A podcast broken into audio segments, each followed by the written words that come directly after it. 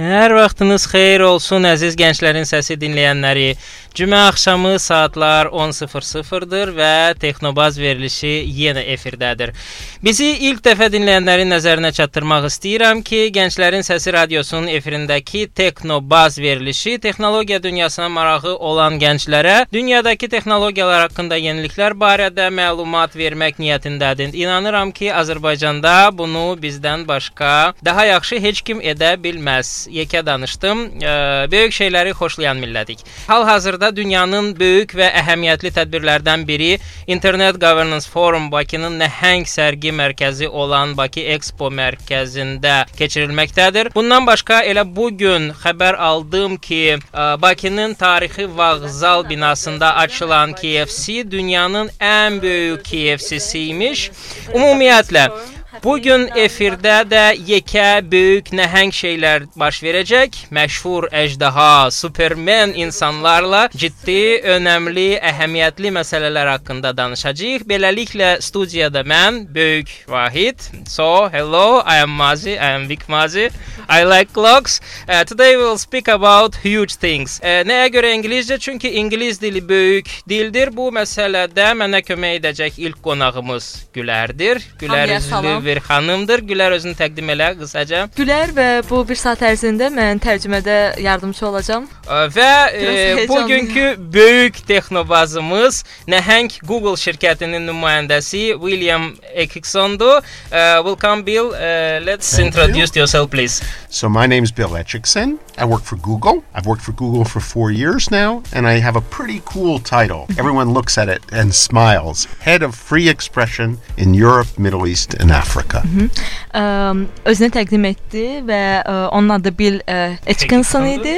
O um, hal-hazırda uh, Google üçün işləyir və o deyir ki, mənim uh, titulum, mənim yəni vəzifəm uh, hamıda gülüş oyadır, çünki uh, daha doğrusu maraq oyadır. Çünki onun uh, vəzifəsinin adı ifadə azadlığı Azadlığının Yaxın Şərqdə, Asiyada və Afrikada rəhbəri. Wow. Və bila ilk klassik sualımı verəcəm. Um, bu Azərbaycana ilk gəlişinizdir. Azərbaycan Bakı necədir ümumiyyətlə?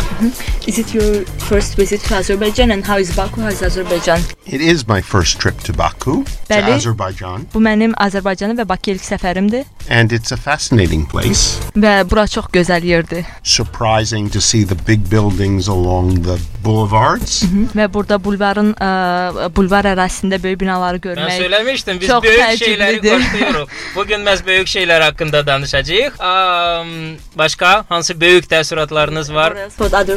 And surprising also and and to to meet the people that have assembled here. We had a big tent where we had uh, uh, people who supported the government, people who opposed the government, uh, bloggers. There's uh, 27,000 or 22,000 bloggers in Azerbaijan. I was very surprised. Hı -hı. Və ə, e, bizim qonağımız üçün digər ə, e, təəccübləndirici faktorlardan biri olub ki, o deyirdi, ə, e, o burada çox müxtəlif insanlarla ə, tanış olub. Məsələn, burada hökumət tərəfdarları var, hökumət əleyhdarları var və onun üçün ən təəccüblü faktorlardan biri olub ki, Azərbaycanda 22 minə yaxın bloger var. Mən mənim üçün də çox təəccüblü faktordur.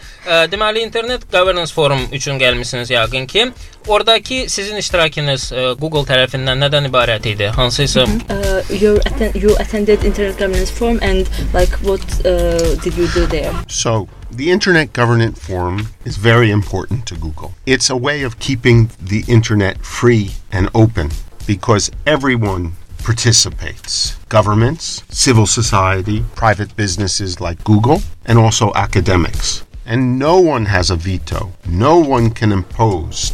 And, and the internet has been built from bottom up by these four groups. And what we want to make sure, and the reason we're supporting so much the Internet Governance Forum is to make sure that all four groups continue to have their voice and it's not just government. Hmm? Tələbələrə min dəfə demişəm, ingilis dilini öyrənin, yoxsa Gülərin ümidinə qalacaqsınız. Buyur Gülər. Və qonağımız deyir ki, Google üçün internet governance forum kimi tədbirlər çox önəmlidir. Çünki Google ümumiyyətlə ifadə azadlığı azadlığına, internet ifadə azadlığına çox böyük əhəmiyyət verir və bu forumda, yəni çox müxtəlif tərəflərin nümayəndələri iştirak edir. Həm hökumət nümayəndələri, həm vətəndaş cəmiyyətinin nümayəndələri, eləcə də ə, özəl sektorun ə, biznes nümayəndələri və bu o deməkdir ki, yəni internetdə heç bir ə, veto yoxdur, heç bir qadağa yoxdur və bunu təmin eləmək Google üçün çox əhəmiyyətlidir. Ona görə də Google ə, bu kimi tədbirlərdə iştirak etməyə üstünlük verir. Google üçün ifadə azadlığı ifadəsi nə deməkdir ümumiyyətlə? Yəni biz Google-ın bir search engine olduğunu öyrəşmişik. What is freedom of expression for Google? So Google was created to help democratize access to information, to make you able to find information and to organize the world's information. And bəli, Google-un əslində elə yaradılma məqsədlərindən biri də informasiyanı insanlar üçün əlçatan etmək idi. and Google can only exist if information is free to flow. Və Google ə, elə o zaman mövcuddur ki, informasiya çox sərbəst şəkildə ə, axa bilir, hərəkət edə bilir. So right from the beginning this idea of free expression that information needed to flow freely and should not be blocked has always been at the the first building blocks of Google. Və elə ən başından, yəni Google-un ə, belə deyək, yarandığı gündən etibarən informasiyanın sərbəst şəkildə ə, axını belə deyək, Google-un növrəsinə qoyan insanların əsas what we're məqsədlərindən biri seeing- olub. What we see now is a growing tendency by governments to crack down. At latest count, 42 governments censor, filter, or block the material on the internet. At Google, we operate in about 150 countries, and at any time, in about 30 of them, our services are blocked, filtered, or censored. Və qonağımız deyir ki, əslində ə, hal-hazırda, yəni elə ölkələr var ki, onlar ə, bütün səyləri ilə çalışırlar ki, informasiyanın axınına maneə törətsinlər və Google hal-hazırda 150 ə, ölkədə ə, əl çatanda 150 ölkədə işləyir və o deyir ki, məsələn, ə, onların arasından yəni ki, 30 ölkədə hökumətlər çox müxtəlif yollarla ə, informasiya axınının qarşısını almağa çalışırlar, senzuralar qoyurlar və ə, digər bloke edici fəaliyyətlərlə məşğul olurlar. Ə, Siz bayaq söylədiniz ki, forumda 4 tərəf iştirak eləyir. Onlardan bir tərəf dövlətdir, bir tərəf kommersiya qurumlarıdır, bir tərəfdən civil society, hə, vətəndaş cəmiyyətidir. Bu tərəflərin hansını Google tutur? Kommersiya şirkətlərini ə, aydın məsələdir ki, kənara qoya bilərik, amma attended the internet forum like government representatives and private sector and uh, civil society. Uh, which side does Google support? We support this system, which means that all of us have an equal voice and no one has a veto. We support a system where the internet has grown up free, open, and unfettered.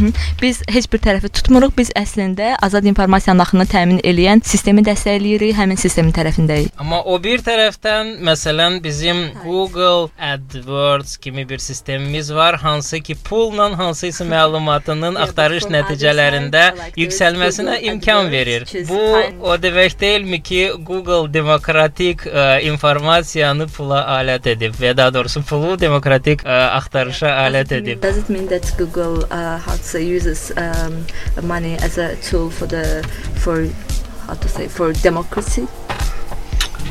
We support freedom of expression. AdWords is the a Google product which supplies ads, but we make a clear distinction between what is an advertisement and what is what we call natural search, which is search that would just uh, come up because we think it's the most relevant. Biz Google olaraq ifadə azadlığını dəstəkləyirik və biz iki şey arasında çox mühüm bir ə, sərhəd qoymuşuq. Bunlardan ə, biri təbii ki, o ə, reklamlardır, advertisementdır, digəri isə pulsuz və ə, pulsuz axtarış sistemidir. Hansında ki, yəni insanlar istədikləri məlumatı axtara bilərlər. Ya, o aydındır, amma indi qabaqlar Google-un sadəcə sağında əgər sponsored link ə, adı altında biz məlumatı, reklam məlumatları görürdükdə, hal-hazırda məhz axtarış nəticələrində ən top pozisiyalarda ə, pulla satın alınan Yeah, uh, it's true, but like Saytlar yer alır. we were seeing the adverts only when we went to the site and uh, in the buy side we were seeing the links. But now when you search uh, at the top of the information, the advertised products they come out. But they're clearly distinguished from the regular search. And also, we believe, I mean, look, uh, also Google has grown into a big company because those advertisements, people find them relevant. They're related if you're searching for something, and all of a sudden a search comes up, you're searching for a hotel in Baku, and an advertisement for hotels in Baku comes up, it's a pretty good advertisement. Əslində ə, axtarışı edəndə ə, sizin yəni ki, həmin o reklam olunmuş məhsullarla ə, reklam olunmayan, yəni təbii axtarış nəticəsində meydana gələn ə, məhsullar çox aydın şəkildə fərqlənir. Bəli, təbii ki, onları rənglə Ə, fərqləndirirlər. Mənim verdiyim sual biraz provokativ bir sual idi. Və əslində ə, qonağımız qeyd edir ki, o gələn cavablarda hətta reklam məqsədi daşısa da, onlar insanlara lazım olan məlumatdır. Məsələn, siz Bakıda hər hansı bir ə, otel axtarırsınızsa, o zaman həmin axtarışın nəticəsi olaraq Bakıda həmin otelin reklamı gəlir. Əlbəttə, xahiş eləyirəm sualımın provokativ olduğunu tərcümə elə qonağımıza. Uh, says, uh, yes, my question was a bit provocative. No, I, uh, look, I mean, it is also clear that advertising allows Google to uh, give products to all of you free of charge. That's pretty cool. Əslində ə, o qədər də yox, çünki bu özü də aydındır ki, elə ə, baxmayaraq ki, reklam şəklində gəlir o məlumat. Əsas olan odur ki, Google ə, hər hansı bir məlumatın ə, o həmin axtarışçıya çatmasını təmin eləyir. Əlbəttə ki. Ə, növbəti sual bundan ibarətdir. Mən hələ də tam olaraq başa düşmədim. İfadə azadlığı üzrə kommunikasiya nə deməkdir? Siz konkret olaraq nə ilə məşğulsuz? Uh, says I uh, still haven't get what does uh, communication in freedom of expression mean? What you are doing actually? I'm working to Mən try to prevent governments from regulating, over-regulating, or stopping people from freely expressing themselves in all forms. And I am working with governments to make sure the same thing happens, and with journalists, and trying to promote and build products that support free expression, like our Google Transparency Report, which tells how many requests we get from governments to take down content and how many requests we get from governments hand over information on users. Ə, əslində mənim işim informasiyanın hər hansı bir ə, şəkildə blok edilməsinin və yaxud da qarşısını almasına qarşı mübarizə aparmaqdır, belə deyək. Ə, və mən hökumətlərlə də işləyirəm, mən jurnalistlərlə də ə, işləyirəm. Məsələn, mən ə, elə bir belə deyək, məhsullar hazırlayıram ki, buna aiddir ə, Google şəffaflıq hesabatları, hansı ki bu hesabatlarda göstərilir ki, məsələn, neçə hökumət belə deyək, hansısa bir informasiyanın ə, Google-un axtarış sistemindən çıxarılmasını istəyib və yaxud da ki, həmin informasiyanın dəyişdirilməsini istəyib və s. Azərbaycanda jurnalistlərdən kiminlə görüşmüsünüz? Which Azeri journalist did you meet so far? I, uh, I met bloggers uh, from the opposition, like Ali Novrov. For example, for- Did you no, know some names? But uh, uh, I also met uh, lots of journalists from the regular newspapers or state-run newspapers because uh, there were about 20 of them there Amma today. bildiyim qədər bu sizin verdiyiniz ilk media müsah müsahibəsidir Azərbaycanda. So our approach was to have an attempt to, to, to get both sides to talk and dialogue. Ə, mən həmin tədbirdə çox müxtəlif ə, jurnalistlərlə görüşdüm. Yəni həm ə, belə hökumət qəzetlərində və yaxud da ki, digər ə, media institutlarında işləyənlərlə. Məsələn, bloger Ali Novrozovu mən tanıyıram. Həmin jurnalistlər sizə nə cür məlumat çatdırıblar? Azərbaycan nə dərəcədə demokratikdir Google axtarış nöqteyi nəzərdən? What kind of uh, information did you get from the journalists? Uh, how uh, transparent or what is the level of freedom of expression in Azerbaijan in Google? It's hard for me to judge after a, a short visit, but obviously uh, at the Internet Governance Forums, there were lots of human rights groups saying and, and documenting that there are many problems here. But we also saw that many of those journalists or bloggers who had been thrown in prison also were there at the Internet Governance Forum. And at our big tent, which we did on um, uh, Monday night, it was fascinating to see both sides talk to each other and discuss the issues. Ə, Əslində bu qısa ə, səfər nəticəsində bir çox şey demək o qədər də asan deyil.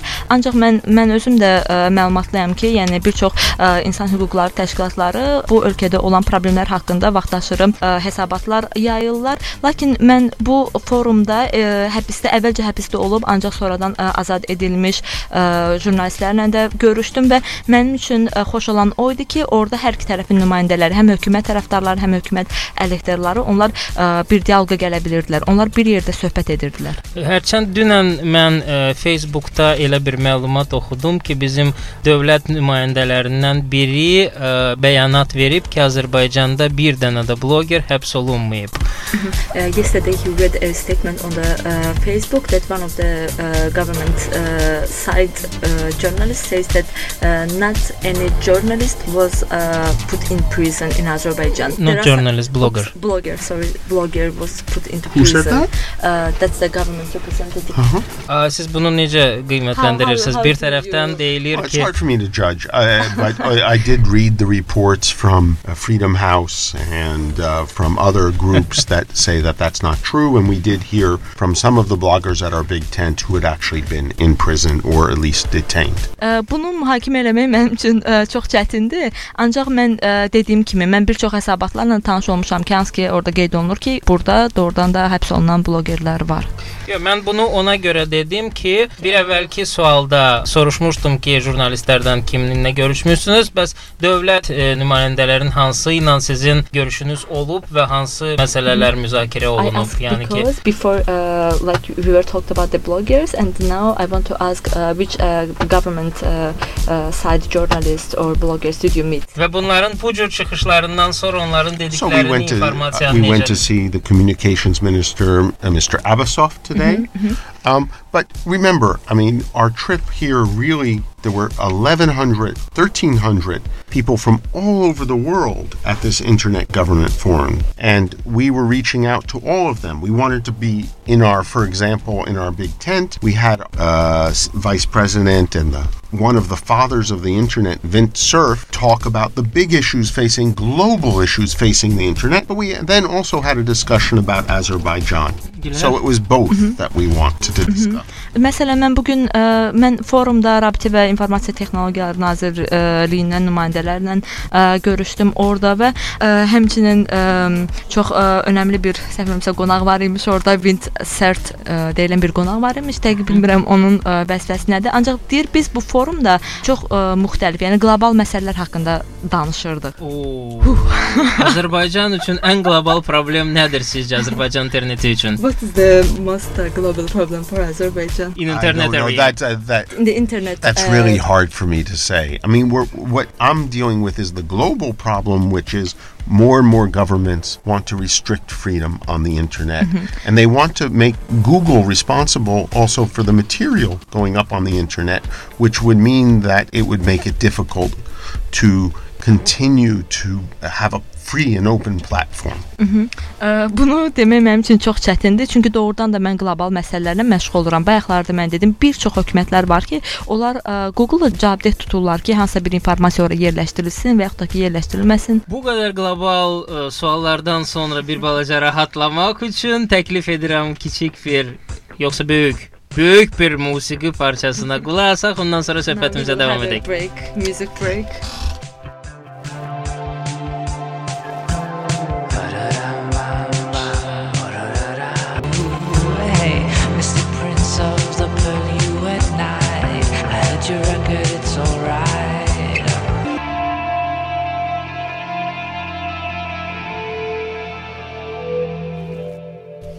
Və qəribə bir mahnıdan sonra söhbətimizə davam edirik.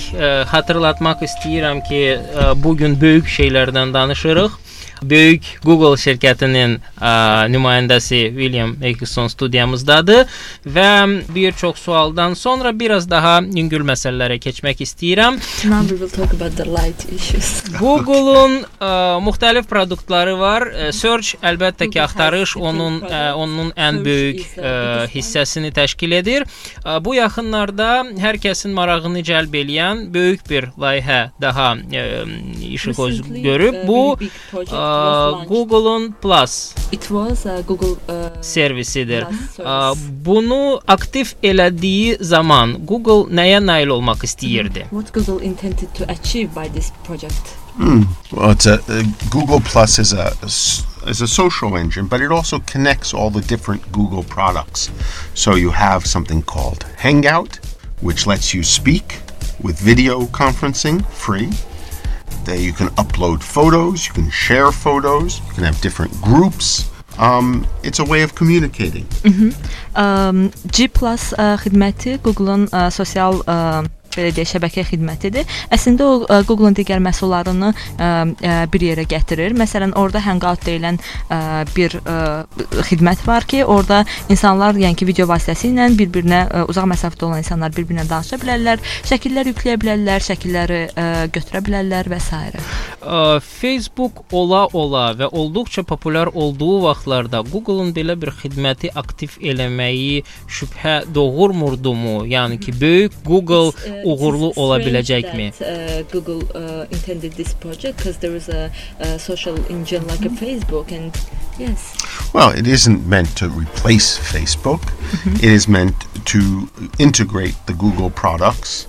And Facebook was right because it saw that a lot of the internet was moving to a social space and that it was important for Google to be in that space.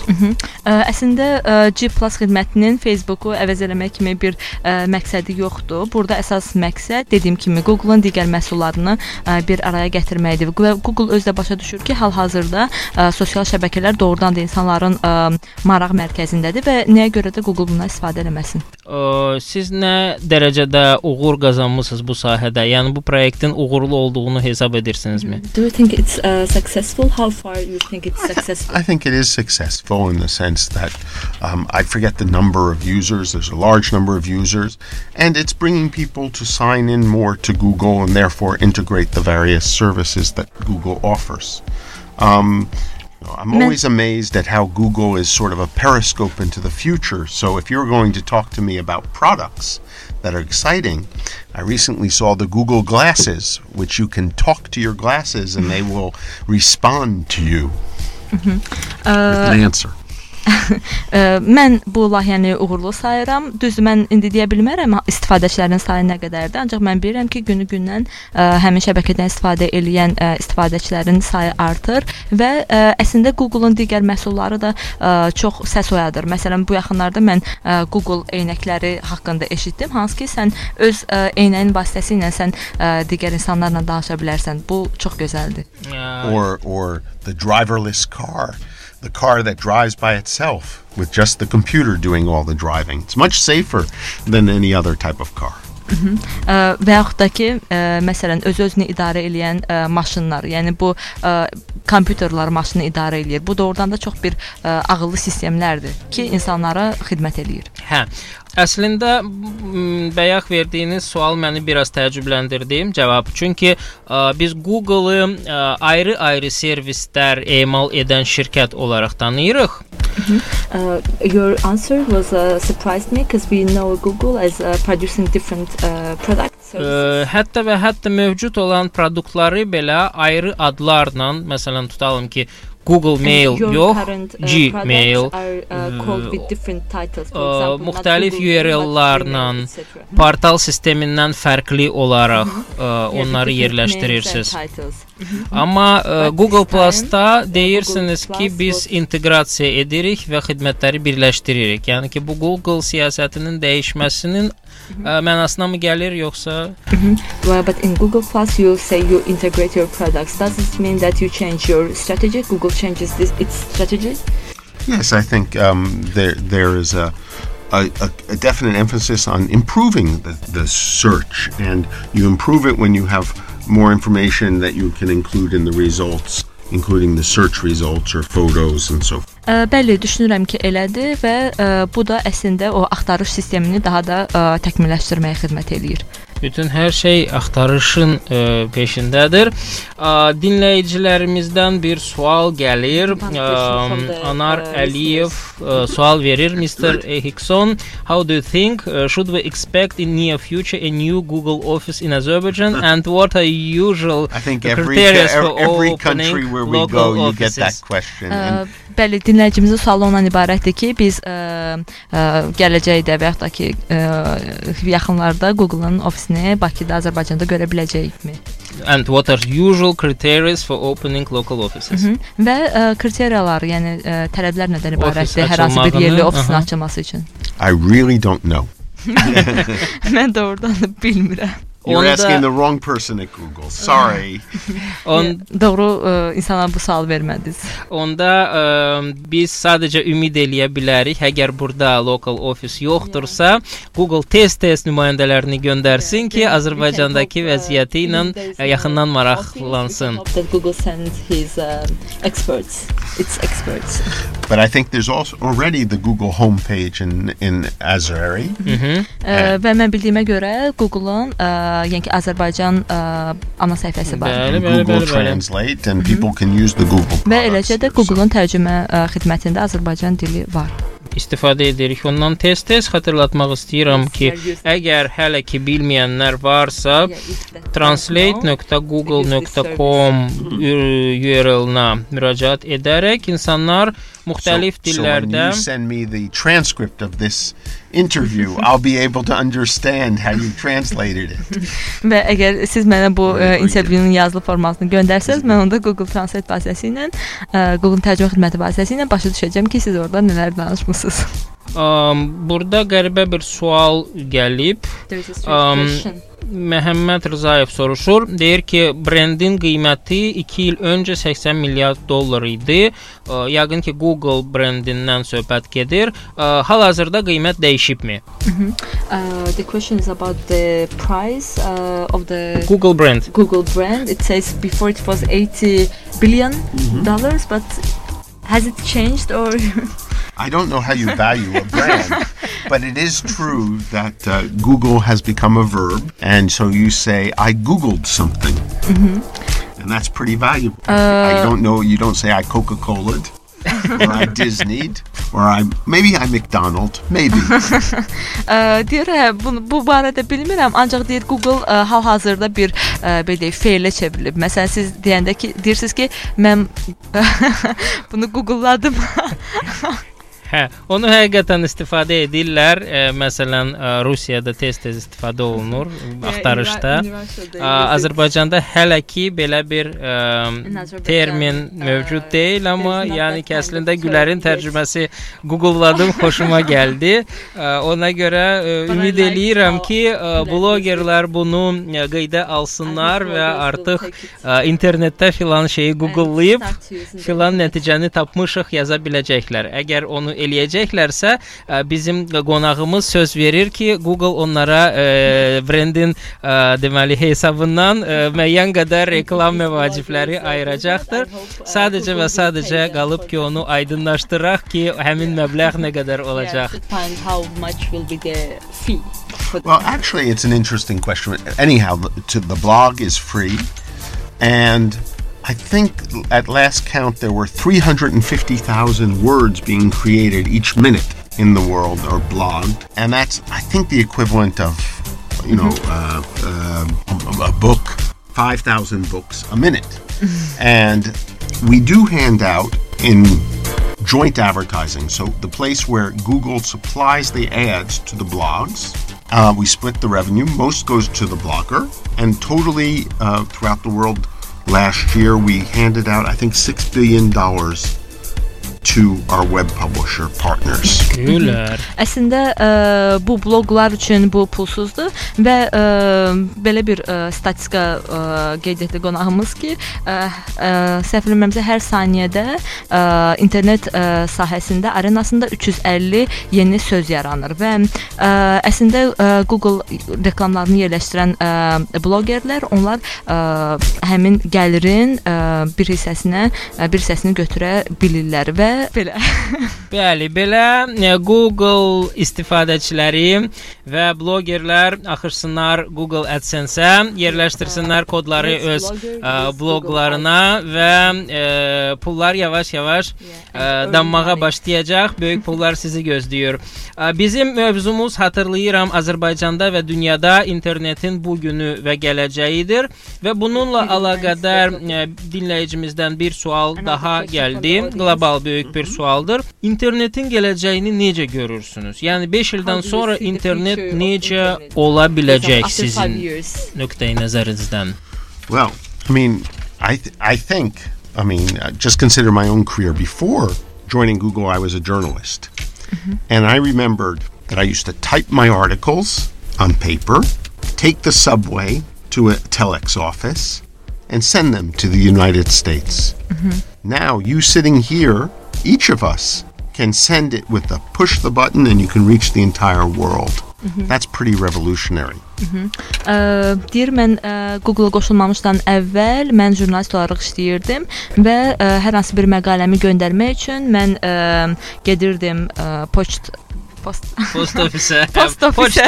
Hə, poçta Poçt deyək. Poçta gedirdim və oradan göndərdim. Amma siz indi təsəvvür edin ki, ə, siz özünüz məsələn evdə oturmusunuz və bir düyməyə basmaqla istədiyiniz sözü ə, göndərə bilirsiniz. İndi siz təsəvvür eləyin, ə, bu bir neçə ildən sonra ə, hansı səviyyəyə gəlib çatacaq. Təsəvvür edə bilmirik. Elə mən sual ondan ibarət idi. Yəni normal internet istifadəçisi sadəcə nemətlərdən istifadə eləyir və Yeah, Google hansı ki bu uh, nemətləri emal edir. Ə, the hansı fantaziyaları var? Yəni users, biz yaxın just use it, gələcəkdə but you work for the internetdən nə gözləyək? What is your like fantasy and what, what can we expect? Well, there's 2.3 billion people who use the internet now, mm-hmm. Hal-hazırda internetdə Bizə bəzi sirlərinizi açın. and there's 7 billion Give us your some secrets. 7 billion people in the world. We all of them should have access to the internet. how That's my hazırda- dream. Hal-hazırda dünyada ə, 2.3 milyard insan internetdən istifadə eləyir və əgər nəzərə alsaq ki, dünyada 7 milyarda yaxın insan yaşayır, bizim mənim ə, şəxsi arzum odur ki, bu insanların hamısının internetə çıxışını təmin edə bilək. Bu bir balaca bizim Rabitə Nazirliyimizdən asılıdır və eyni zamanda Azərbaycanda ə, uh, insanların sosial ə, deməli vəziyyətindən asılıdır. No, it depends on you. All of you who build radio stations o- like this. Bu ə, sizin üzərinizə düşür. Sizin kimi insanlar kimlər ki, radio stansiyaları yaradıblar. It doesn't depend on governments. That's what's so cool about Bu the ə, internet. yəni ki, hökumətlərin ə, birbaşa of us who səlahiyyətində build deyil. it. Biz hamımız bunu etməliyik. Biz əlimizdən gəldiyi qədər etməyə çalışırıq. We will try to do our best. Uh, Amma ki And I wish you uh, the best. ə, Və mən sizə ən yaxşısını arzulayıram. Of course, thank you. Ə, biz ə, sadəcə və sadəcə ümidlə böyük, bax, böyük, böyük şirkətlərə baxırıq, Google kimi, hansılar ki bizə gündən-günə yeni layihələri bəxş edirlər. and we're looking forward to have the new projects by the big uh, companies like Google. But what's cool about the internet is Google started only 14 years ago in a garage. And you, you're starting here, and who knows? Maybe soon you'll be the biggest radio station in Azerbaijan or all in Central Asia.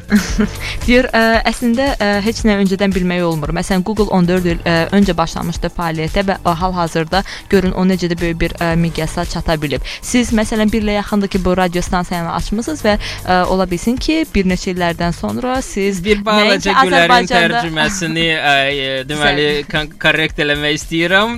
Deməli Google həqiqətən də qarajda fəaliyyətinə başlayıb, Okay. amma həmin qarajın 200 kvadrat metrlik sahəsi var idi və iki serverin alınması üçün 60 min dollara yaxın pulları var idi. This uh, garage was huge and like you had uh, Actually, it was a very small garage. Əslində çox balaca idi. Amerika miqyasına görə balaca ola bilər və Azərbaycan miqyasına görə bizim studiyamızda it's çox böyük uh, ola No, bilər. it, Əgər burada small. 3 nəfər yerləşirsə, görmüşdüm o balaca idi.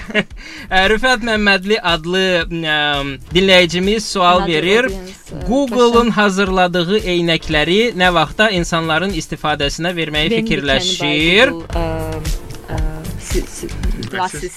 I think sometime next year. Uh, gələn il. Əslində zaman-zaman baxırıq Google-ın əməliyyat sistemi ilə olan ə, netbookların satışı ilə məsələn ə, bağlı xüsusi məsələn Google shoplar açılır. Onların tutalım ki, hə İngiltərədə açıldığını eşidirik. Başqa ölkələrdə varmı xüsusiləşdirilmiş Google shoplar hardakı o Google məhsulları satılacaq? Uh, uh, are there like in England we see that uh, there are special Google shops that sell uh, Google products.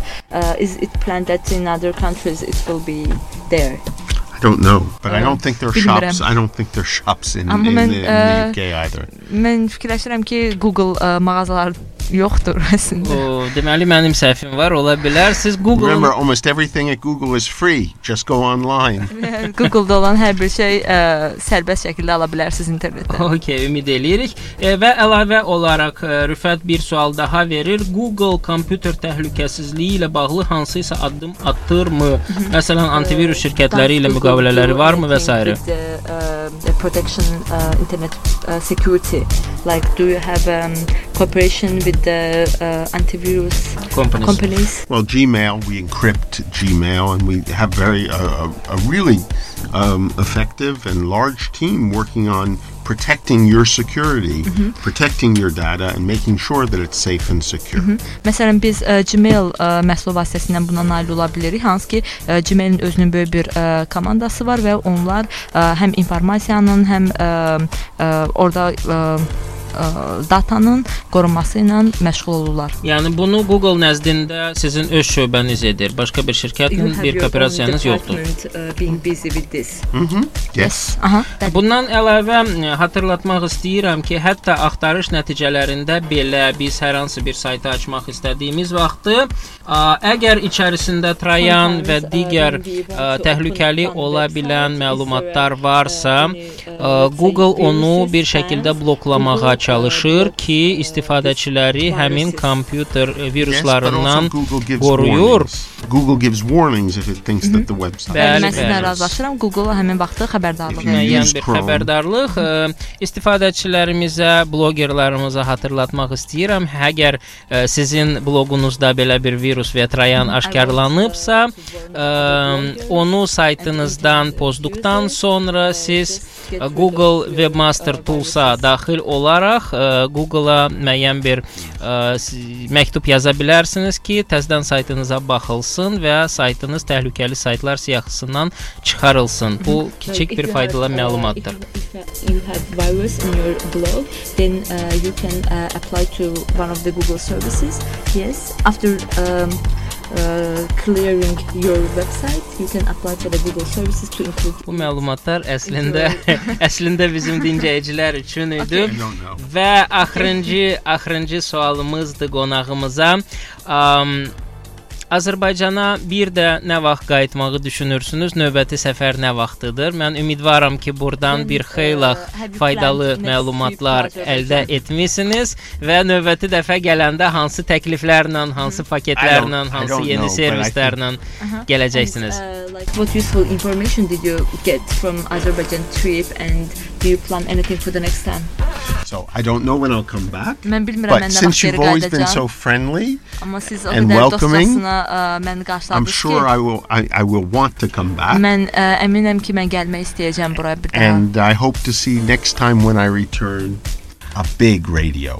Və mən növbət dəfə bura gələndə inşallah böyük bir ə, radio stansiya görmək istəyirəm. Böyük təşəkkürlər edirəm bizim böyük şirkət nümayəndəsi olan böyük qonağımıza. Böyük-böyük suallara böyük-böyük cavablar verdiyinə görə hər kəsə böyük xoşbəxtliklər və böyük uğurlar arzulayırıq. Axşamınız xeyir olsun və sizinlə vidalaşırıq. Sağ olun.